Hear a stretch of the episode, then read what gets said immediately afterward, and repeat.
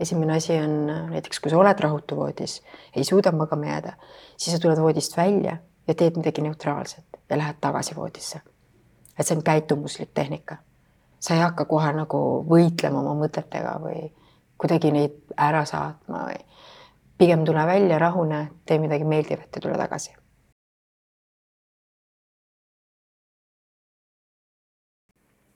tere, hea EKAS tv kuulaja ja vaataja. Tere tulemast kuulama meie tänast saadet, mille teema huvitab ja puudutab ilmselt kõiki. see on uni. kuidas magada öösel sügavalt ja kuidas puhata ennast hästi välja, sellest me hakkamegi täna rääkima. mina olen Kadri Pekko ja minu tänane saatekülaline on psühholoog ja unenõustaja Kene Vernik. tere. tere. aitäh, et sa oled meiega siin jagamas kõiki neid teadmisi, mis sa oled eh, kogunud ja, ja inimestega suheldes mm, kokku kogunud, saanud, et ähm, kuidas sa, Kene, üldse jõudsid selle une teemani ähm,? ma jõudsin läbi juhuse ja õnne, mul on selline tunne, et ma olin teisel kursusel psühholoogia tudeng ja kirjutasin psühhiaatrikliinikusse, et mina tahan teile tööle tulla. Olles ise justkui täitsa valmis psühholoog. Aga nemad pakkusid mulle siis äh, unekeskuses tööd ja põhimõtteliselt nagu meditsiiniõena ja õdesid tollel ajal äh, kliinikumis väga ei olnud. Ja mind koolitati siis uneõeks kes siis viib läbi polüsomnograafilisi uneuuringuid. ja minu mentoriks ja juhendajaks sai äh, psühhiaater, unearst, doktor Tuuli Kiian ja nii ta õpetas mind neli aastat äh, neid uneuuringuid vaatama. Äh, minust sai unetehnoloog, hiljem ma läbisin ka suured eksamid Euroopa unemeditsiinikomisjoni ees ja nii edasi, nii et ja hiljem tundus see kõik nii loomulik või loogiline, et minust saab unenõustaja ja lisaks siis äh, läksin siis magistratuuri psühholoogiat õppima ja sealt siis tundus nii loogiline, et ma saan aidata väga ärevaid unetuid mm. -hmm. nii et see oli kõik nii loomulik teekond ja mulle väga see unemeditsiini osa nagu meeldis. aga kas sul enne endal oli nagu unega ka mingeid probleeme? ei olnud et äh, seda küsitakse tihti, et äh, kas on mingi kogemus, miks sind siia tõi mm. ei ole, ma olen väga hea magaja Äh, väga hea unehügieeniga hoidja, et äh, ma tean seda, et mul väga pikalt üleval ei sobi püsida, nii et äh, noorus, noorena sai seda tehtud ja nüüd ma nagu pigem hoian ja olen tervislik mm. -hmm. aga sukeldumegi nüüd sinna teemasse siis sisse. uni, miks me seda und, miks me und üldse vajame? no ikka sellepärast, et tunda ennast paremini päeval, et me oleks nii unised, väsinud Äh, tegelikult üldse, et meie võimekus äh, oleks selline, nagu ta võiks ühel inimesel olla, et tegelikult äh, meie kognitiivne võimekus, see, kuidas me tajume, tunnetame maailma, kui hästi me tähelepanu hoiame, keskendume, tänu sellele on meie mälu kenasti töös ja sinna siis see talletatud informatsioon saab protsessitud une ajal ja salvestatud une ajal. et, et see on väga oluline pluss nüüd viimased uuringud ikka kinnitavad seda, et me tõesti kogume sellist mürkaineid aiu päevasel ajal, toksilisi aineid ja ööunes me puhastume nendest. ja kui me ei puhastu, siis me oleme nii-öelda aeglased tegelased päeval mm. -hmm. see on samamoodi nagu katkise arvutiga või aeglase vana arvutiga, et me peame vahepeal restarti tegema ja nii ongi. et meie peame ka restarti tegema, et me suudaks järgmisel päeval toimetada ja ja et meie hormoonid õigesti töös oleks nii et äh, seal on äh, ridamisi palju asju, miks see uni vajalik on ja muidugi ka kasvamiseks ja arenemiseks ja taast-, taastumiseks. nii et äh, jah. aga mis meie kehas siis täpsemalt toimub, kui me ei saa korralikult magada mm? -hmm tegelikult äh, noh, üks asi on see, et kui me ei saa magada hästi, siis keha hakkab öösel tootma kortisooli, stressihormooni koos adrenaliiniga, mida me öösel kindlasti ei vaja ja see stressihormoon tegelikult äh, noh, teeb äh, pahandust et äh, see tähendab seda, et ta annab kehale teada, et on probleem, et sa pead võitlema, sa pead energiat koguma. Ähm, ja noh, näiteks sööma rohkem juba mm -hmm. alustame sellest, et süsivesikuid tarbima veresuhkur lööb kõikuma, greliini tase, tase lööb kõikuma nii-öelda hormonaalne tase, nii et see hakkab meid nagu lõhkuma ja tekitama erinevaid häireid, jah.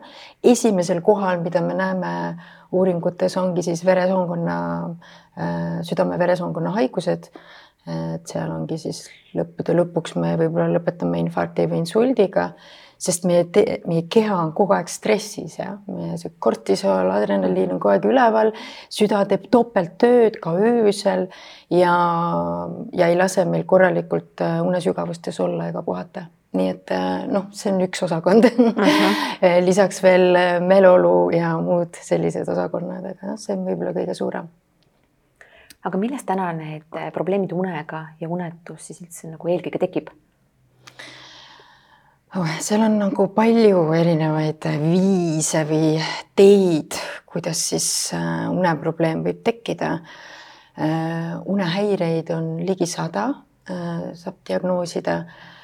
on orgaanilised häired ja mitteorgaanilised häired. Mhm. orgaanilised häirete hulka näiteks kuulub hingamishäire öine hingamisehäire või rahutute jalgade sündroom, mis võibki tulla meile juba sünnist saati, jah, et me ei tea näiteks seda, et me öösel hingame läbi suu ja et see oleks probleem, aga see, see, see suu hingamine on üks unehäire, mis tekitab meil väga palju une, unevõla sümptomeid, et unedeprivatsiooni sümptomeid, needsamad asjad, mis ma just rääkisin mm. -hmm ja äh, noh, niipidi, eks ju, et äh, või näiteks rahutud jalad, mis meil on näiteks rahutud ja nad rikuvad meie une kvaliteedi, äh, tekitades näiteks meile mikroärkamise aju EEG-s, mis on kolm kuni viis sekundit pikad, mida sina ei tea, kui sa mhm. magad.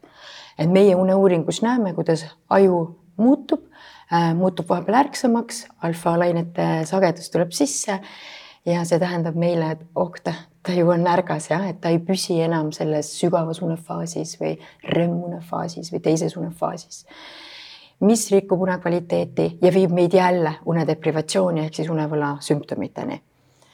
teine osakond on selline, et on seal siis vaimsed häired, psühhiaatrilised häired see, kas kumb on enne depressioon või unetus, seda me enam nagu väga palju ei uuri, me hakkame kohe tegelema, ütleme nii, et kui me tegeleme unetuse või depressiooniga, kui aus olla.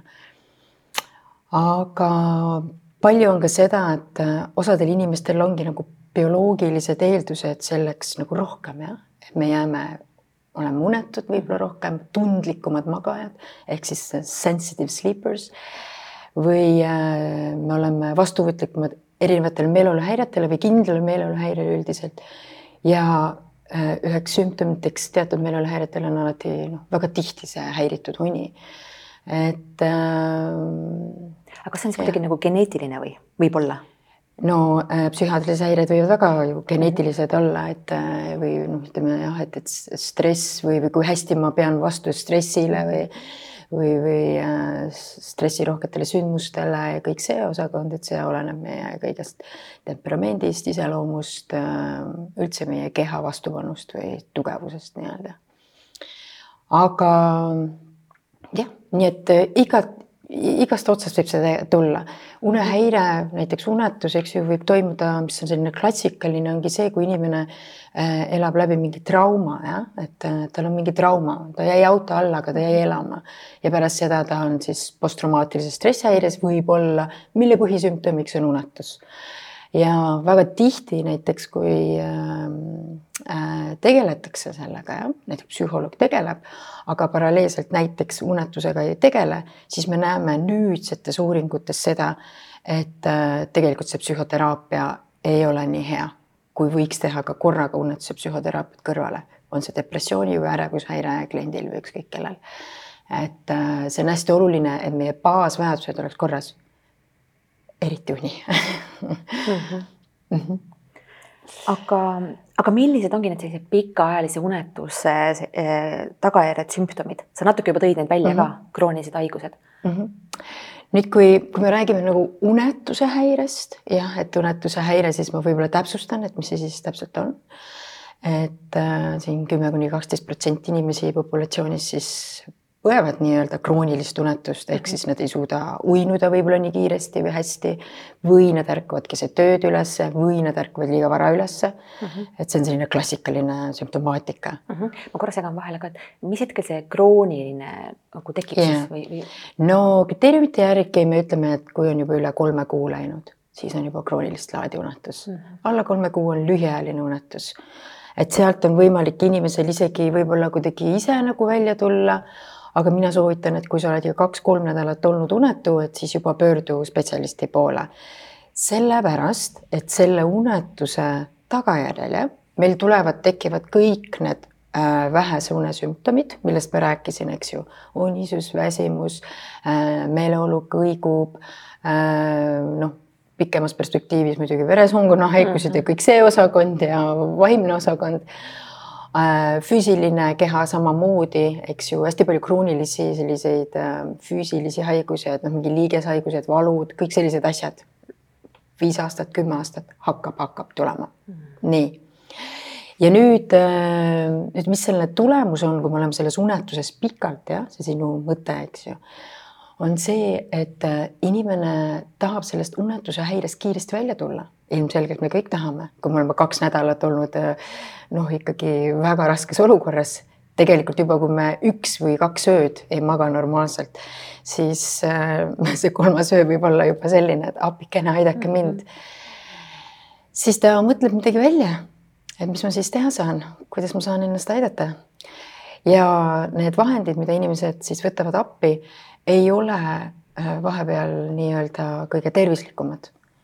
Ja just äh, noh, on see siis alkohol näiteks, alkohol ju leevendab, viib mind kiiresti sügavasse unne, mhm. kanepi tarbimine, melatoniini tarbimine, uinutite, rahustite tarbimine, äh, kõik see osakond, nii et sealt omakorda võib üsna kiiresti tekkida nii-öelda mingi sõltuvus mhm. mingitest ainetest ja selline väga turvaline käitumine ja sõltuvus mingist ainest. ma igaks juhuks võtan, sest homme mul on nagu keeruline päev. ma täna võtan igaks juhuks melatoniini ja ma täna võtan selle X-anaks, sest mul on homme vaja normaalne inimene olla. see on see mõte, mis su peas on. ja sealt areneb. nüüd, kui need asjad lõpuks ei aita, siis ma lähen järjest ärevamaks, minu mõte läheb intensiivsemaks ja ma hakkangi tootma ka väga negatiivseid ja üsna selliseid eh, noh, nagu ebareaalseid mõtteid enda peas. kui ma nüüd seda ei tee, siis juhtub nii, ehk siis tekib täielik katastroof. ja kui me elame selles katastroofis mhm. pidevalt mm, -hmm. siis mis sa arvad, mis juhtub stress ja ärevus ja. ja väga-väga-väga halvasti läheb vot, et eh, lõpuks me võime nagu äh, oma käitumiste pärast veel äh, viia ennast veel hullemasse seisu kui tegelikult on seal võib-olla kaks-kolm nippi, kuidas sellest kiiresti välja tulla mm. -hmm et jah, mulle tundub, et see on nii kerge on sinna nagu lõksu sattuda mm, -hmm. et, äh, et noh, ma võtan nagu selle, ma ei tea, mingi tableti või mingi asja, et, et yeah. äh, igaks juhuks on ju. ja, jah, see on jah, selline turvakäitumine ja, ja inimestel on selliseid erinevaid äh, asju, mida nad teevad õhtuti, et mingid rituaalid, hingamistehnikad, mida nad võib-olla ei oskagi teha meditatsioon, mida ma tihti ei soovita enne magamaminekut, kui aus olla mm. -hmm. ergutab aju tegelikult ja muidugi väga halb unehügieen. me oleme sõltuvuses ju tänapäeval erinevatest nutiseadmetest, ekraanidest, mis omakorda viivad meid siis veel pikemale teekonnale äh, nii-öelda lahti saamaks sellest unetuse häirest mm. -hmm. aga räägime sellest pärast nagu pikemalt. okei jah. sa enne juba põgusalt korra mainisid, aga lähme korra uuesti selle teema juurde, et kuidas uni mõjutab meie hormoone mm? -hmm. no üks asi on kindel, et on olemas unehormoon nimega melatoniin, eks ju mm. -hmm. ja on palju erinevaid ärksushormooni, hormoone nii-öelda, mis hoiavad meil ärksõna või annavad või ütlevad nii-öelda meie kehale, et nüüd pead olema energiline, nüüd sa pead olema lõbus, õnnelik, vastu võtma kõike seda, mis päevane nii-öelda elu sulle pakub Äh, väga oluline on valgus siinkohal tegelikult ühe osana, et äh, mis hoiab meie hormoonide töö nagu õiges rütmis ja meie keha äh, elab une ärkveloleku rütmis, tsirkadiaanses rütmis, eks ju.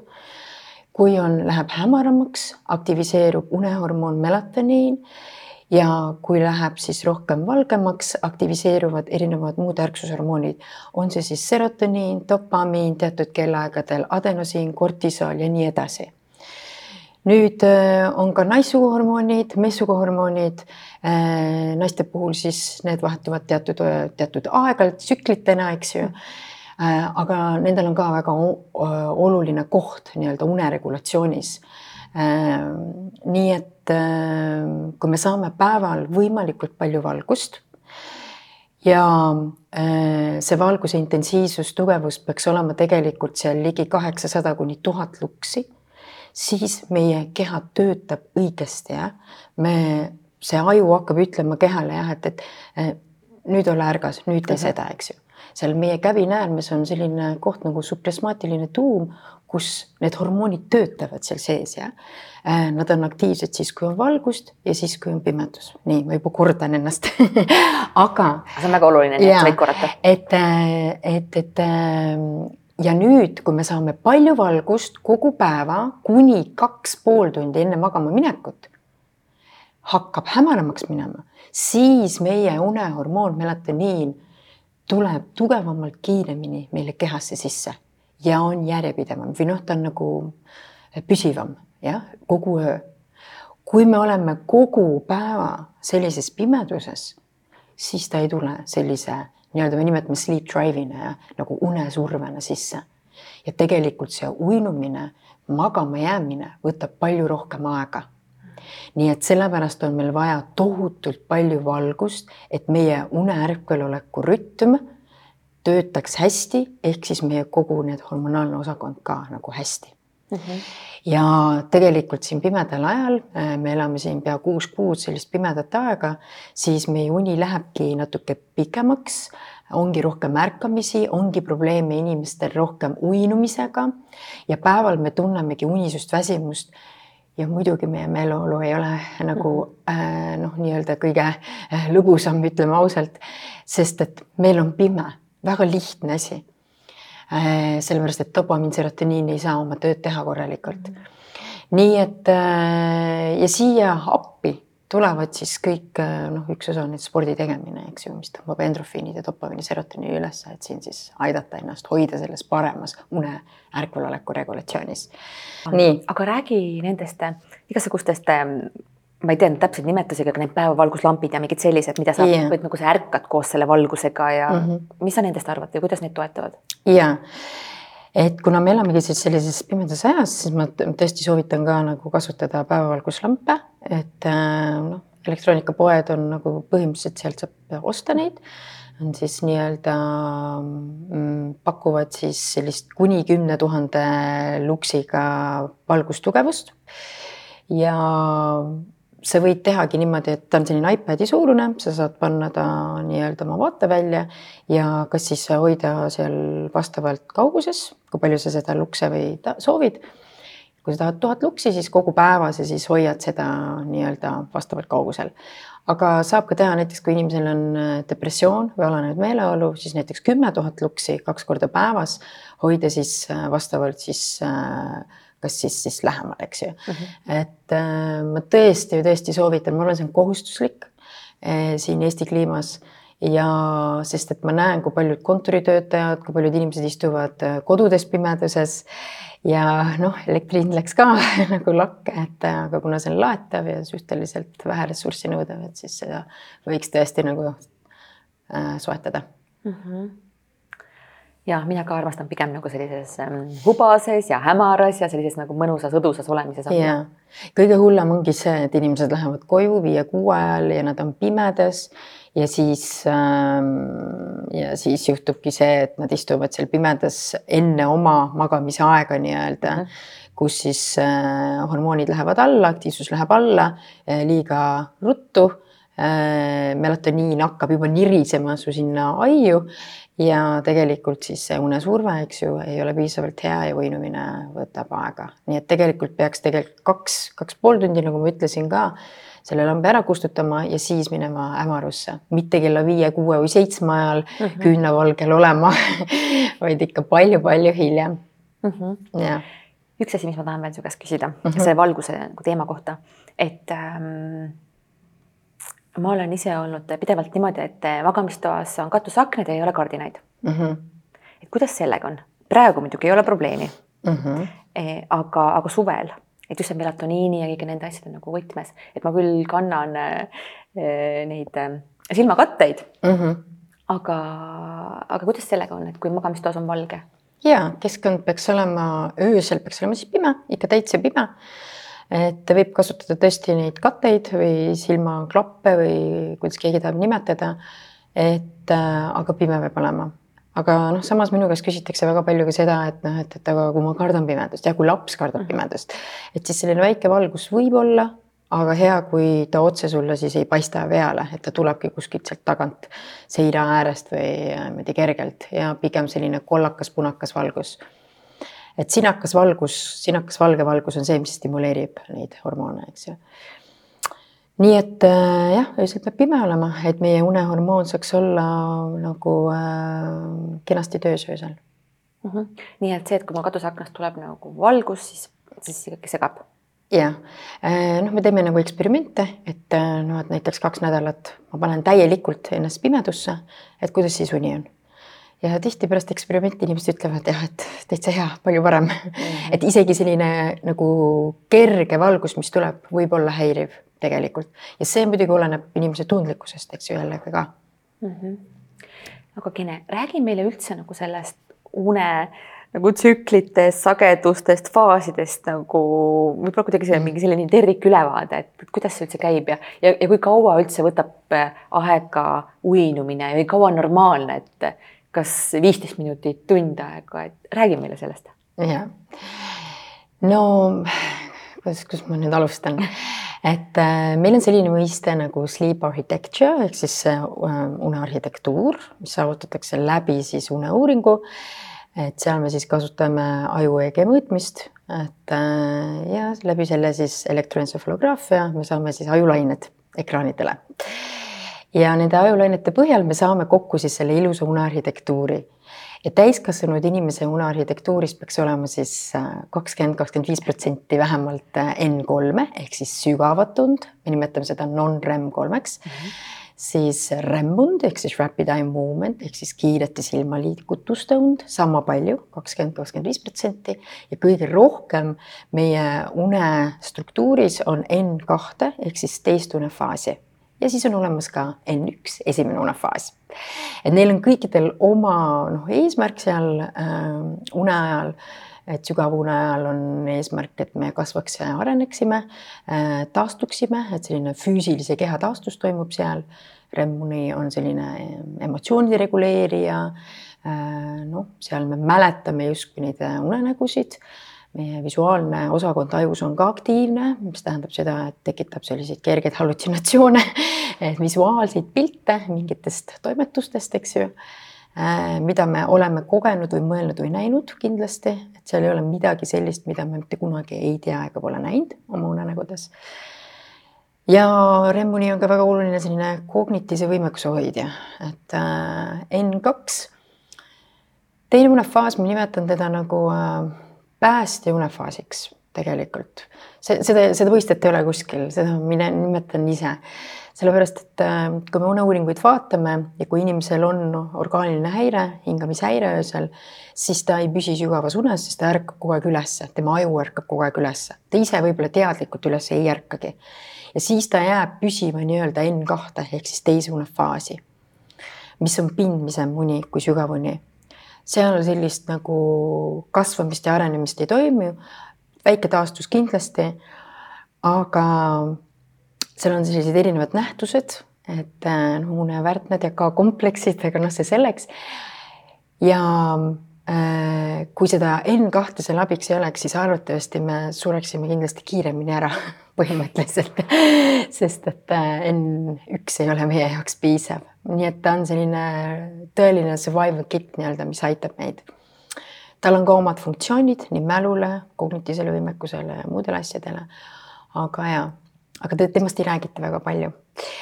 ja N1 esimene unefaas, seda me nagu tajume ise, et see on see, kui sa hakkad magama jääma mm. -hmm. magama jäämine võiks toimuda siis äh, seal viieteist minuti jooksul et kui pool tundi jääd magama, siis ma ütleks, et on nagu kehvasti, et mine siis järgmine päev hiljem magama. ja kuidas me tajume seda enne ühte võib-olla kõige paremini on see, et me võib-olla natuke kuuleme mingeid asju, aga toimub siis selline mõnus, võib-olla selline kukkumise tunne jah, et see on siis äh, nii-öelda äh, lihasrelaktsioon toimub ja et, et lihased nagu lõdvestuvad ja võivad osadel inimestel lõdvestuda väga järsku, näiteks sportlastel. nii et äh, ja noh, niimoodi kiirülevaade, ütleme siis sellest unearhitektuurist. sügav uni on tavaliselt öö esimeses pooles. et siin siis küsitakse tavaliselt seda, et no et kui ma selle esimese poole ära magan, et siis on ju piisav, eks ju, et ma saan hakkama jah, sa saad äh, toimetada sellise nelja poole tunnise unega võib-olla mõned päevad, aga siis hakkab REM-uni ennast taastama sügavune arvelt. et see, see sügavuni enam ära ei taasta sind, vaid REM-uni tahab ise saavutada oma protsenti. ta on kehale justkui tähtsam uni me une, unemeditsiinis nagu täielikult ei tea, miks ta oluline on, et miks ta on selline ka nagu üli, ülioluline ja, ja ta üldiselt säilitab oma protsenti pea elu lõpuni.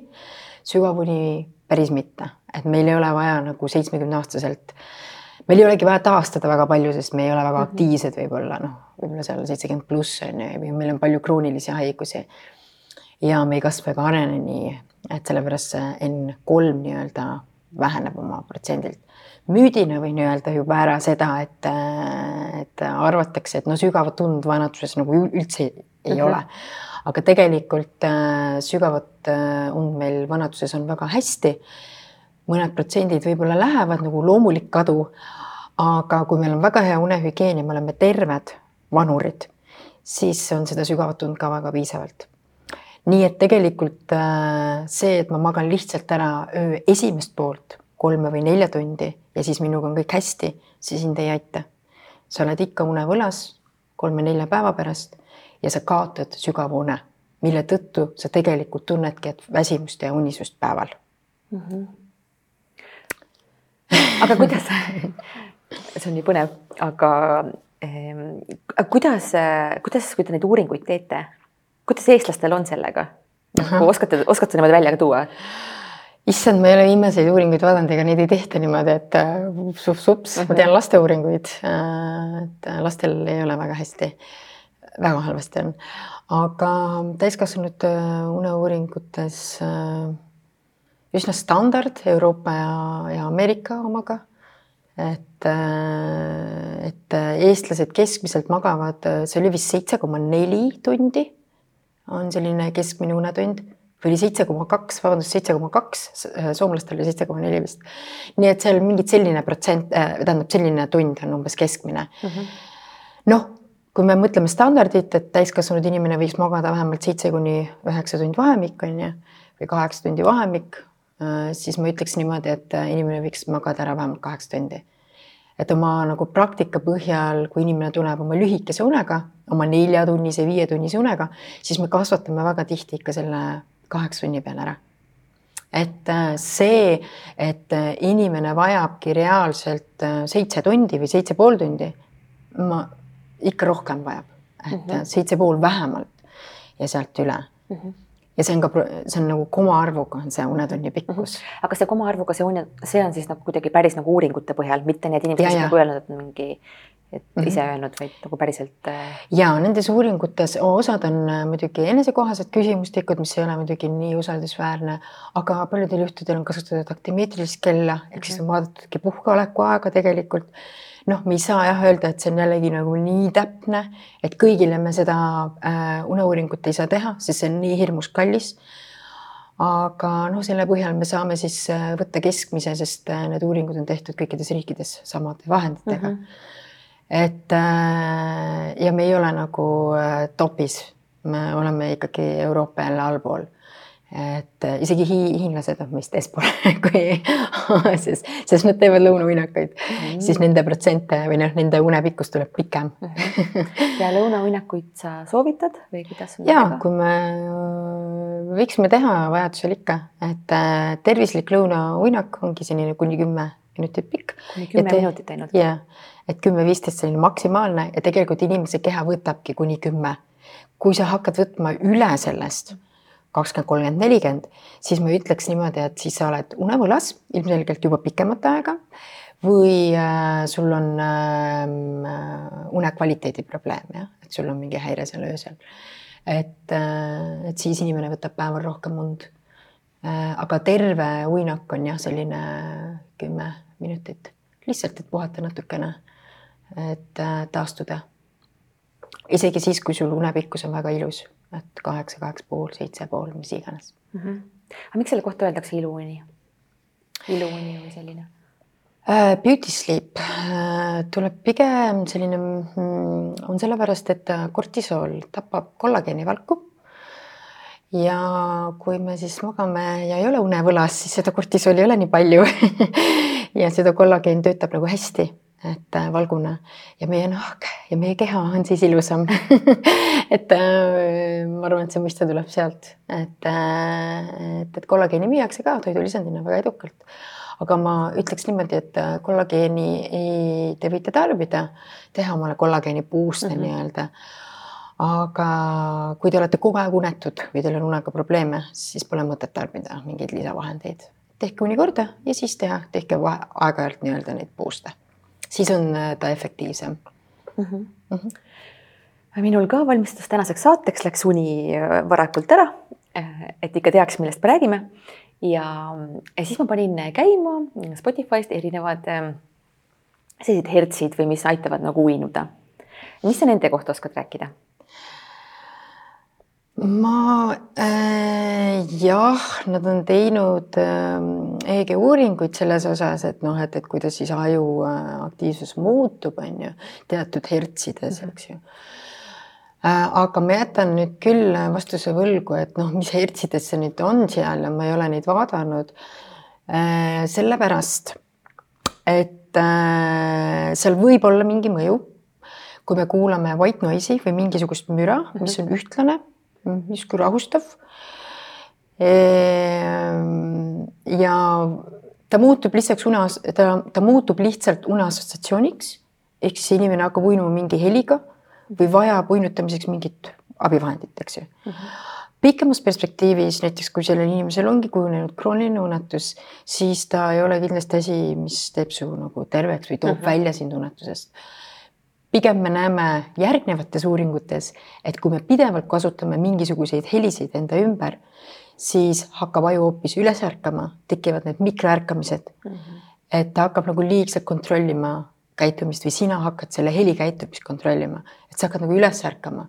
ja eriti halb on siis, kui see heli veel ära lõpeb. et ta kogu aeg nagu vajab seda toetuseks ja sellepärast ei soovitatagi laste puhul näiteks äh, seda heli kogu öö kasutada või täiskasvanute puhul ka. et äh, white noise'i või ükskõik siis, mis helisid äh, kasutatakse, ikkagi selline kakskümmend, kolmkümmend minutit uinutamiseks, aga mitte kogu öö vältel et lõppkokkuvõttes kõige parem on täielikus vaikuses magama jääda ja püsida siis nagu unes mm. -hmm. Aga, aga räägiks äkki sellest, et äh, inimestel on erinev unevajadus. nii, vaatakski seda kohta et, et beebidel ähm,, värsketel emadel, et äh, pensionäridel mm. -hmm. kuidas, kuidas sellega on siis nende erinevate unevajadustega? Jah, et meie unevajadus, me sünnime kindla unevajadusega juba geneetiliselt, meil on nagu antud nii-öelda oma kindel kronotüüp ehk siis millal see melatoniini aktivatsioon toimub, kas kell kümme, kell üksteist või kell kaksteist. et äh, sellest kronotüübist ma väga täna ei olegi rääkinud, aga igal juhul me oleme teatud tüüpi magajad, me kõik. et seda me võiksime individuaalselt kõik teada mm. -hmm nüüd unepikkus on samamoodi individuaalselt erinev, et meil on seesama kas seitse koma viis või kaheksa koma viis või mis iganes. aga see vajadus tõesti nagu kergelt väheneb. aga mitte väga palju. et kui me sünnime, siis muidugi meil on suurem vajadus, meil on vaja puhata, meil on vaja taastuda ja meil on eelkõige vaja kasvada mm. -hmm. nii et me vajame seal tõesti nagu imikuna, vastsündinuna kuusteist, kaheksateist tundi und, siis hakkab hästi kiiresti muutuma, esimene eluaasta hästi-hästi kiiresti. Ja sealt alates esimesest eluaastast me näeme siis vähemalt vajadust üksteist kuni neliteist tundi näiteks, siis sealt teine eluaasta tuleb juba sisse üksteist kuni kolmteist, kuni siis seal kolmas kümme kuni kolmteist. noh, seal on nagu erinevad sellised vahemikud ja siis juba kolmandast-neljandast eluaastast inimese uni muutub üsna, ütleme selle lapse uni muutub üsna sarnaseks täiskasvanud unega. hakkab vähenema sügav unu kergelt, REM-uni läheb oma standardite juurde. et ja uni tegelikult hakkab äh, olema pigem ööunes jah, et see laps ei vaja ka päevauinakuid enam. kui kõik on korras, et äh, ja kui me nüüd läheme etapiliselt ettepoole, et kui me vaatame seal äh, algkooli äh,, algkoolilapsi, siis seal see unevajadus jääb ka, ma ütleks ikkagi võiks see kümme ära tulla. Aga kahjuks me näeme sealt äh, üheksa koma, üheksa koma viite ja üheksat tegelikult. et seal üheksa kuni kümme, kümme, üksteist. Ja siis tuleb teismeiga kus see vahemik on meil pandud seal praegu kaheksa kuni äh, kümme vahemik ja tõesti seal teismelisel on palju ähm, hormoonide tööd, hästi palju arengut, kasvu ja seal nad tõesti vajavad seda ööund ikkagi väga palju. suureks miinuseks tuleb kool, mis hakkab väga dikteerima nii uinumist kui ärkamist. ja kahjuks me, need noorukid jäävad kindlasti unevõlga, kuna äh, melatoniin kui selline muutub ta läheb hilisemaks. Äh, teismelised äh, jäävad magama hiljem, ka füsioloogiliselt hiljem, mitte ainult sellepärast, et neil on jube kehv unehügieen, vaid ka reaalselt. ja nad peavad vara ärkama ja siis juba tulebki sealt, eks ju, see unevõla sümptomaatika, nad on väga väsinud, unised, nad teevad uinakuid päeval, söömine on sassis, kõik asjad ja, ja meeleolu ka muidugi mõjutab. nii et äh, aga unevajadus neil on suur ja siis tuleb täiskasvanuiga, kus meil siis ongi selline seitse kuni üheksa vahemik ja, ja sealt siis tegelikult nagu ma ütlesin ka, et vanemas eas võib jääda meie see standard, millega me sündisime, sinu keha näiteks unevajadus on täiskasvanud eas kogu aeg ongi võib-olla kaheksa. Äh, kui sa oled terve inimene, siis sa jääd selle kaheksa peale ka seitsmekümneselt. aga kahjuks me kõik vananeme ja meil tulevad mingid hirmsad haigused või me hakkame tarbima liiga vara mingeid ravimeid, mis lõhuvad head unetervist või ütleme seda unetsüklilisust või une, unestruktuure ja nii edasi. nii et siis meie uni väheneb. nii et äh, kas ma nüüd vastasin sinu küsimusele? jah aga mind huvitaks veel see mm, -hmm. kuidas imetavad emad ah,. Nad kindlasti mm -hmm. kuulavad meie vestlust ja mõtlevad, et see kõik jah. on väga tore ja jah, aga lihtsalt ei ole võimalik. ja, ja. kas me äh., kas me võime, võtame selle lõpus soovituste juures äkki väikeste laste vanematele eraldi? see täiesti eraldi teema, võime ka sellest praegu rääkida, et äh, äh seal on niimoodi, äh, nüüd äh, emade teema jah mm. -hmm kui me oleme selle lapsega esimene eluaasta, jah, siis eh, kõik on segamini ka meie hormoonide töö pärast eh, sünnitamist läheb veel alles vaikselt taastub kõigest sellest sünnitraumast, ütleme nii, mis võib olla mõnel väga kena ja mõnel mitte, aga üldiselt kehale on see ikkagi väga raske olukord olnud.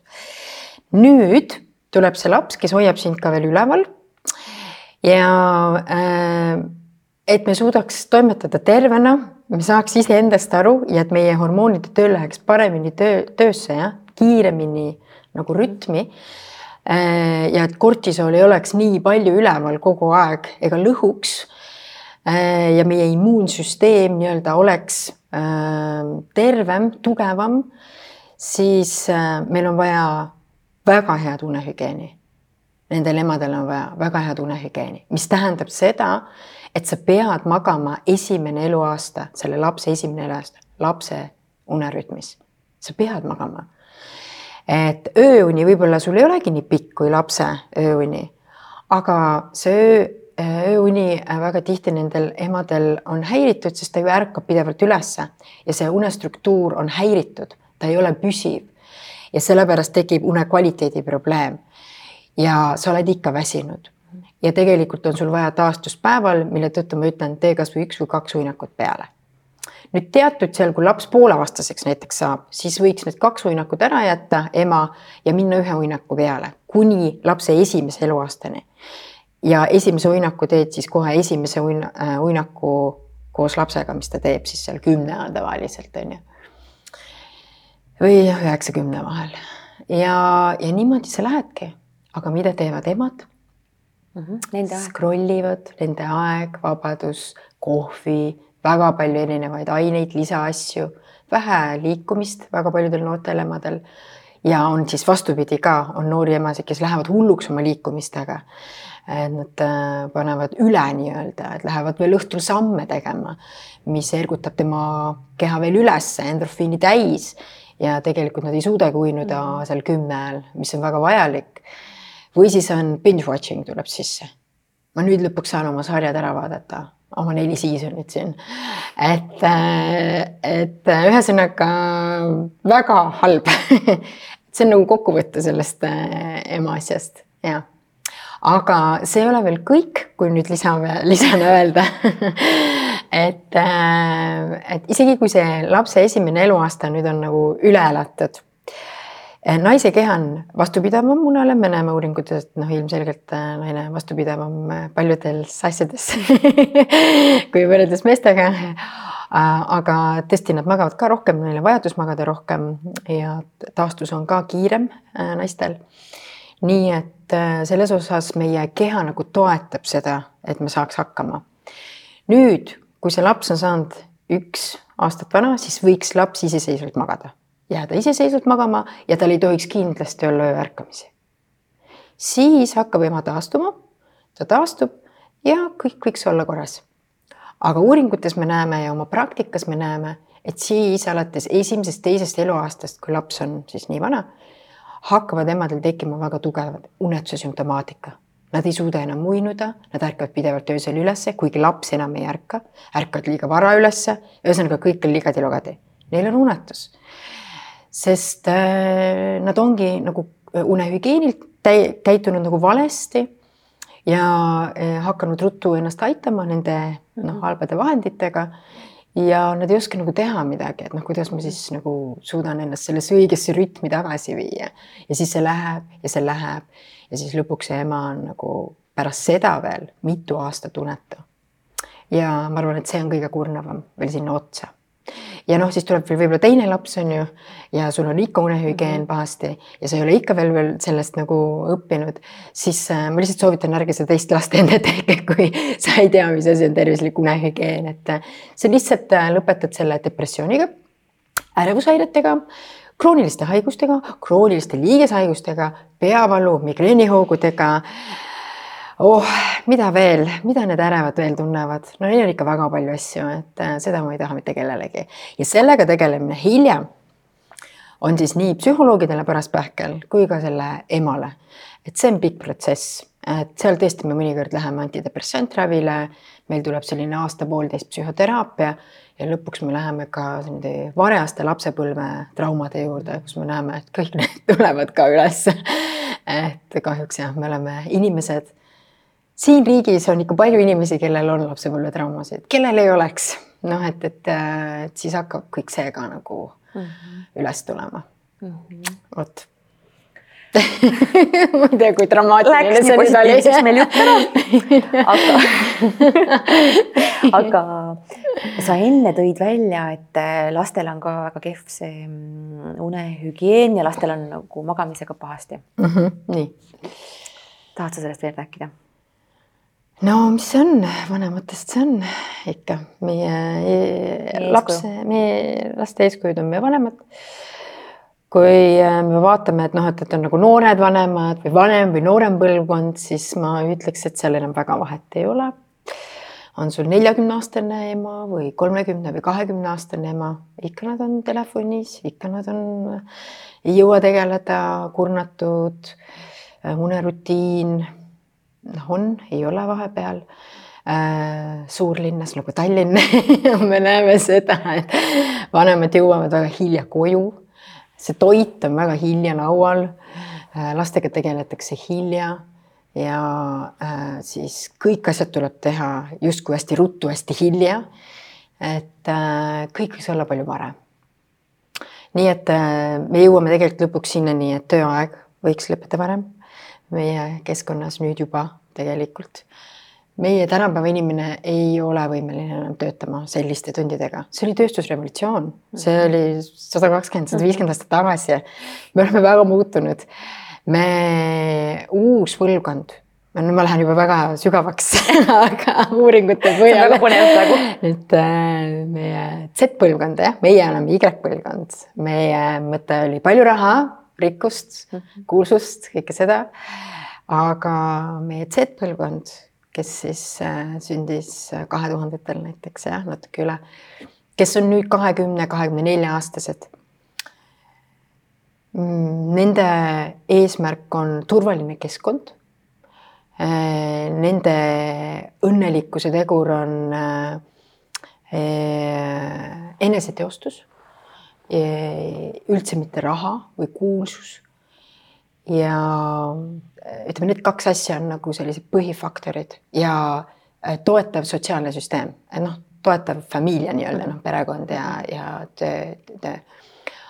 aga näiteks äh, me näeme seda uuringutes, et nad on väga, nad on väga tõhusad iseenesest töötajad, nad on äh, väga võimekad, nad on nii-öelda see power põlvkond, kes hoomavad ja omandavad infot väga kiiresti.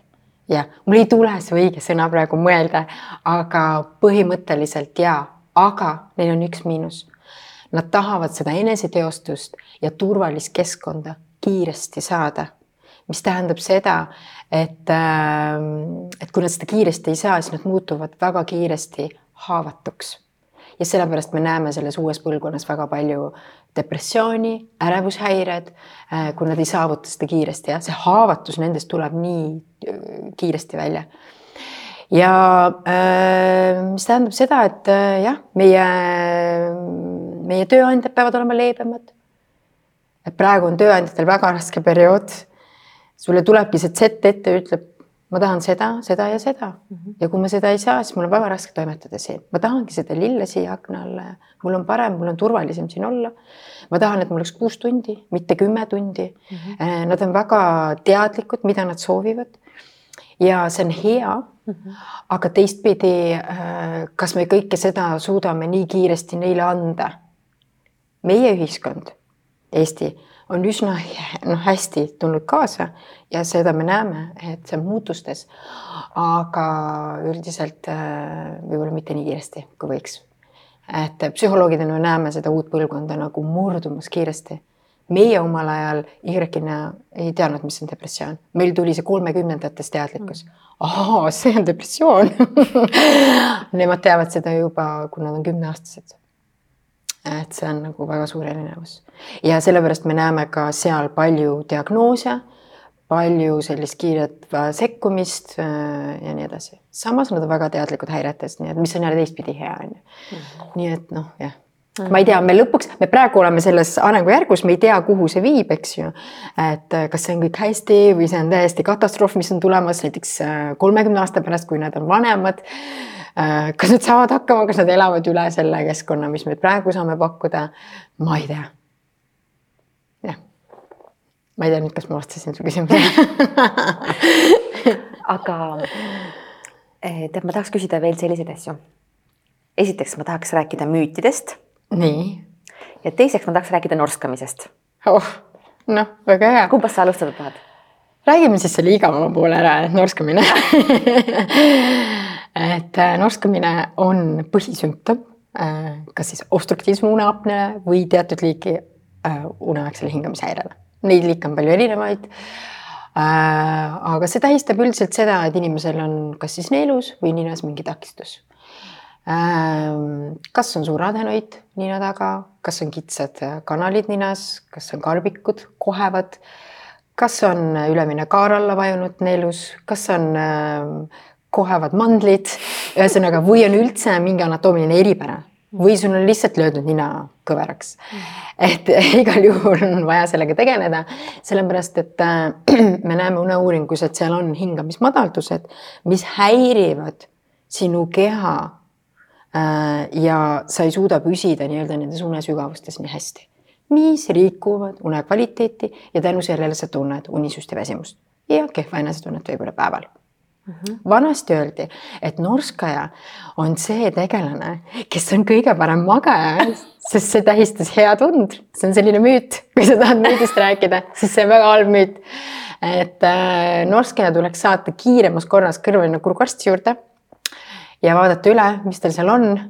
ja kui on võimalik, siis sekkuda ja kui ei ole, kui seal on juba raskemal kujul uneapnea, siis mina üldiselt kliinikumides me panime ikkagi masinaravi alla ka norskaja. Nii et äh, ja muidugi ülekaal hakkab ka tulema, su keha on stressis äh,. eriti hingamishäire patsiendid lähevad ülekaalu mm. ja kui sa oled juba ülekaalus, siis see veel eriti viib sind veel raskemasse une äh, hingamishäiresse ehk siis obstruktiivsesse uneapneasse näiteks ja kus sul on täielik kokkulangemine. suled ära seal. ma olen näinud oma elus kaheminutilist hingamispausi inimene ei hinga kaks minutit iga paarikümne sekundi järel. ja siis me lihtsalt äh, lootsime, et ta ei saa nüüd insulti või infarkti. ja ta ise arvas, et ta magas päris hästi. muidugi ta oli päeval täiesti läbi omadega, aga nii me elame hmm.. nii ei lähe kuidagi positiivsemaks. ei lähe jah. et aga, aga võtame need müüdid siis ette. nii sul on müüte, mida mulle pakkuda äkki? ei ole, sa ise oled öelnud kaks juba meil vist vestluse jooksul. jah, vist on jah. kuigi ma ei mäleta, mis esimene oli. ma ei mäleta ka. aga, aga oskad sa mingeid müüte veel välja tuua? no üks oli see norskumise müüt ah,. üks oli see, et vanemas eas ei ole seda sügavat tund. just, et on siis kaks müüti nii-öelda, et äh, justkui, et äh, kohvi on okei okay et seda ma olen kuulnud isegi oma patsientide käest, et aga ma joon enne magaminekut kohvi, ma jään nii hästi magama. muidugi sa jääd hästi magama, sellepärast et äh, see on soe jook ja ta kikib alles hiljem.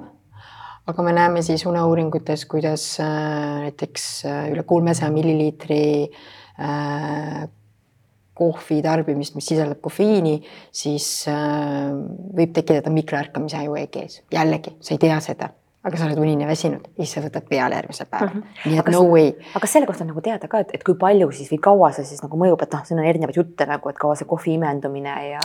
no piimaga ta on su kehas kauem, ligi pea kakskümmend neli tundi. nii et äh, piimaga kohvi ei tasu üldse, piimavalk säilitab kofeiini nii-öelda. et seda ei tasu nagu jah, et selline espresso väike hommikul on okei okay, või siis väikse piimaga kohvi sada viiskümmend milliliitrit selline pool tassi ja teine siis on see äh, taimsed teed. et see on küll tore, aga ma enne magamaminekut vedelikku üldse ei soovita juua, vähemalt kaks tundi et äh, ja kas äh, palderean ja igasugused sellised piparmünditeed aitavad? ei aita. et äh, kui meil on päriselt probleem, siis äh, ma võtan kõik sellised asjad maha et äh, esiteks jääb äh, pissimist vähemaks, ütleme, alustame siis sellest ja vedelikku me peame tarbima päeva jooksul kenasti ära. ja see on selline lihtsalt harjumus ka, et äh, noh, soe tõesti nagu on rahustav, et mida juua see kaks tundi, poolteist tundi maksimum enne magamaminekut on, mis ei ole müüt, on siis äh, piim meega, soe piim. see ei ole müüt. tegelikult väga lihtne, piima äh,, piim äh, või piimatooted siis sisaldavad äh, rohkelt trüptofaani ja trüptofaan aitab meil ähm, mm, paremini äh, melatoniinitööd teha vallandajal, nii et selles mõttes äh, jah mm. -hmm. kas mõni müüt tuleb veel oh,? kas mul kohe tuleb lammaste lugemine? küsitakse, et noh, et lamb, lammaste lugemine ikka nagu aitab Äh, on tehtud uuring et ei aita et tegelikult ta ergutab aju ja sa pead lugema mingeid asju ja äh, aju peab keskenduma, tähelepanu hoidma. ja see grupp, kes ei lugenud, jäid kiiremini magama kui see grupp, kes lugesid, et äh, jah et see ei aita aga ma arvan, et lähmegi nüüd siis konkreetsete soovituste juurde mm. -hmm. et milline oleks siis see hea unehügieen?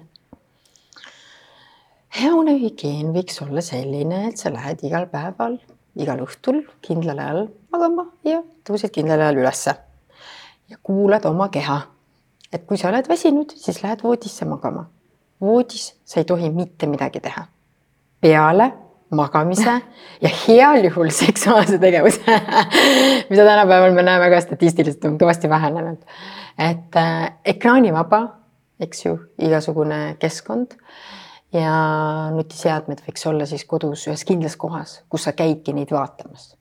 et nad, sa ei haara teda kaasas seal korteris või majas. see ei ole ju üldse reaalne, mida sa praegu räägid. et näiteks sa lähed, et teed süüa, sul on nutiseade kaasas, vaatad telekat, sul on nutiseade kaasas, siis räägid oma kaaslasega või lastega, sul on nutiseade.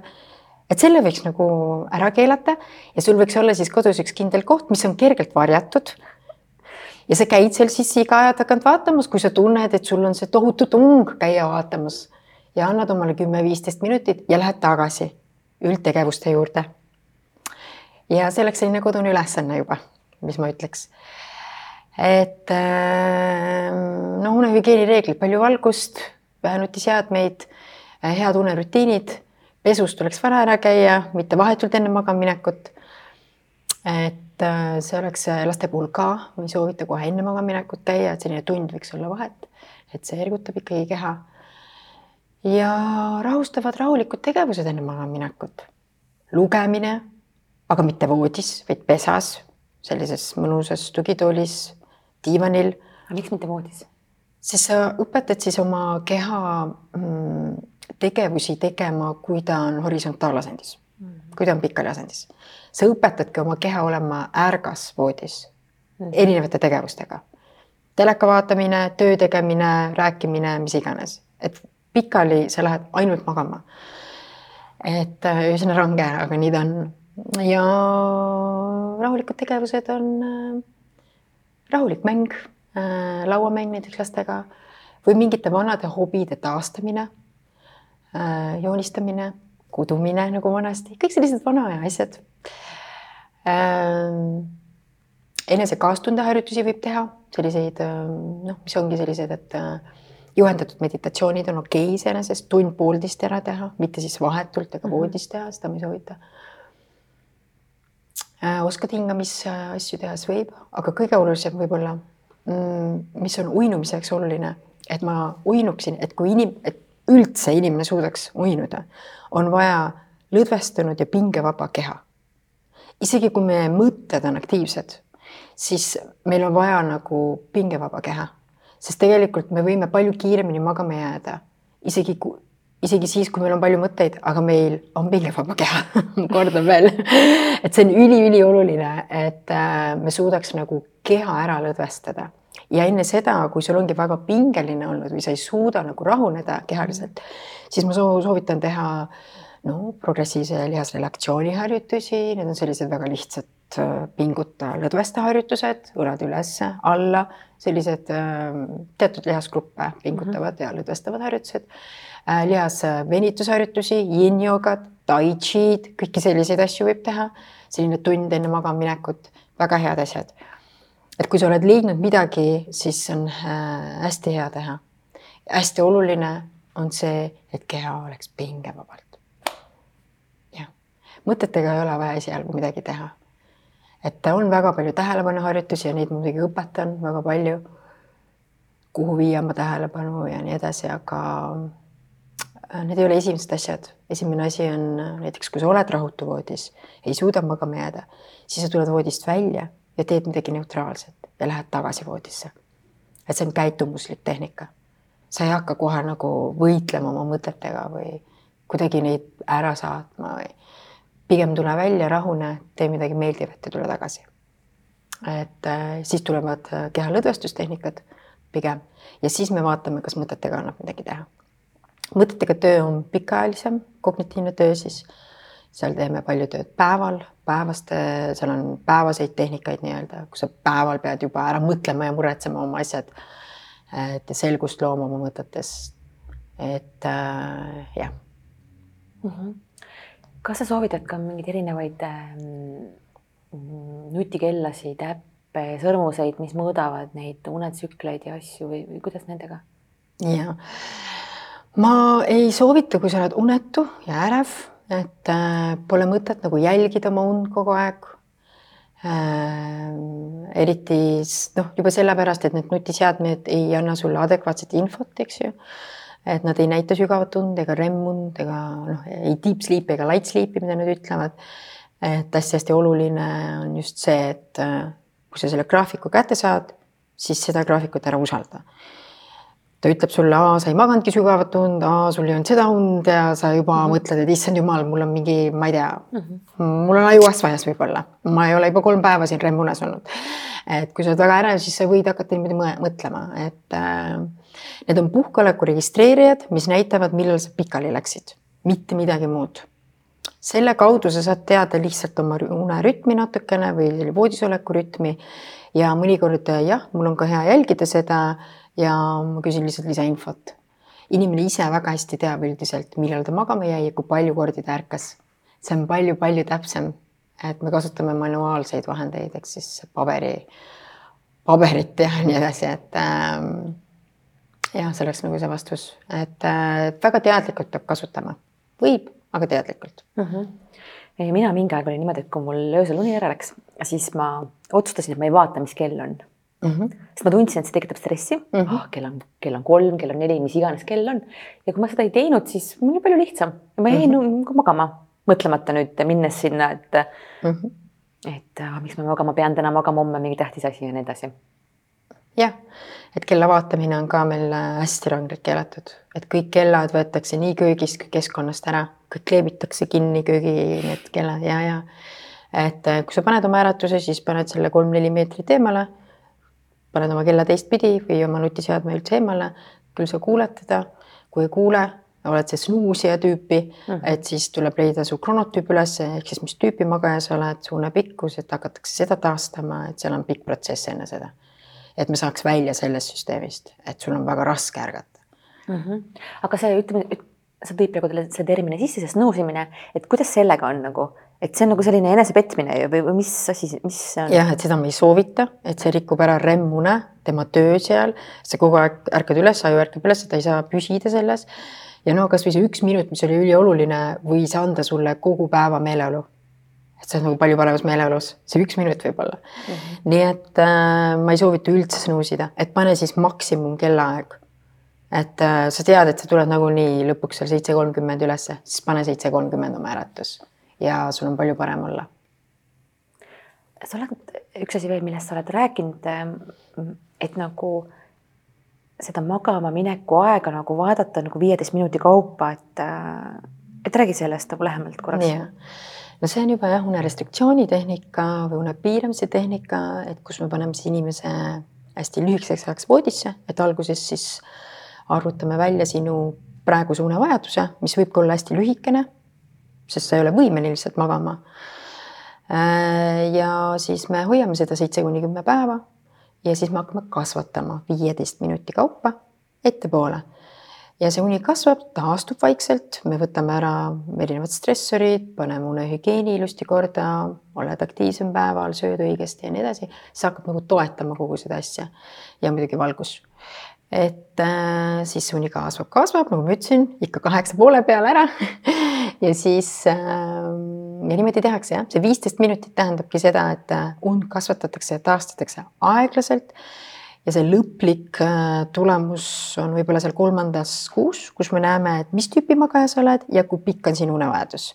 kui me oleme saanud kõik nagu meeleoluosakonna ka nagu järjele nii-öelda, et kui seal on mõni krooniline haigus, lõppstaadiumis vähk, noh, siis on muidugi keeruline, et äh, seal me lihtsalt hoiame nagu äh, nii palju, kui saame neid, seda head unehügieeni ja kõike, et äh, mm, ja noh valuosakond, et kuidas nagu valuga magama jääda või, või kuidas see, kuidas see on võimalik, sellepärast et kui sa ei maga, siis see valu on mhm. suurem jah, kasvõi migreenihoog on suurem, kui sa ei maga. et seal on siis erinevad tehnikad ja asjad, et see, seda ma täna siin ei hakka lahkama, aga see on, seda on palju eestlastel. Äh, terviseärevus on selline häire, mis äh, järjest enam diagnoositi ka koroona ajal ja seda tuleb ja tuleb uksest ja aknast, kus inimene keskendub liigselt oma tervisele ja mingitele kindlatele äh, aistingutele kehas, eks ju. ja see on see a la hüpohondria et, et äh, ja tal võibki olla midagi jah, tal võibki olla, aga paljudel ei pruugigi olla midagi, et on nagu lihtsalt mõelnud ka omale ühe imeliku haiguse juurde. Et see on ka nagu asi, millega millega on väga huvitav tegeleda mm. -hmm. aga Kene, kas on midagi sellist, mis oleks veel väga oluline meie kuulajatele täna öelda, rääkida hmm.? või tahad äkki kuidagi kokku võtta? võib-olla, äh, millest me ei rääkinud äh, ja mida ma lisan et hea une kvaliteedi jaoks on vaja vähemalt kaks tundi aktiivset äh, füüsilist aktiivsust päevasel jooksul, jah, järjest võiks olla see. siis me natukene väsime ka. kui sa kogu aeg istud ja oled näiteks pool tundi aktiivne ja pool tundi aktiivne siin ja seal, siis see ei ole piisavalt väsitav. meil on vaja nagu füüsilist keha väsitada, et see sügavuni taastuks ja seda oleks seal, muidu see hakkab vähenema. nii et võib-olla see tuleks siia juurde aga tead, ma tahan Kene sinu käest küsida nüüd lõpetuseks selliseid äh, kiireid küsimusi. nii ma proovin valmis olla. ja. nii. üks soovitus, kuidas hoida end tasakaalus? oh jumal mis küsimus, muidugi hoiad oma unetervist korras ja kõik on tasakaalus, mingit probleemi ei ole. üks soovitus, kuidas magada paremini? Vähem kohvi juua kui sa oleksid taim, siis mis taim sa oleksid ja miks? see on väga huvitav küsimus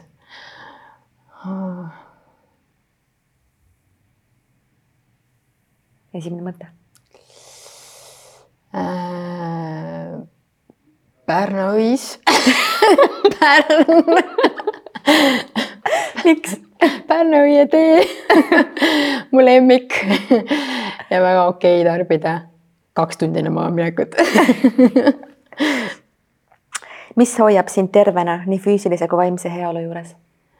Äh,? väga kindel unerutiin ja väga kindel äh, füüsiline aktiivsus, trenn, ma olen täielik tervisesportlane selles mõttes, et äh, see on mind väga palju aidanud, aktiivne eluviis. ilma selleta väga halb. Ja viimane, kui sul oleks võimalik valida üks supervõime, siis mis see oleks?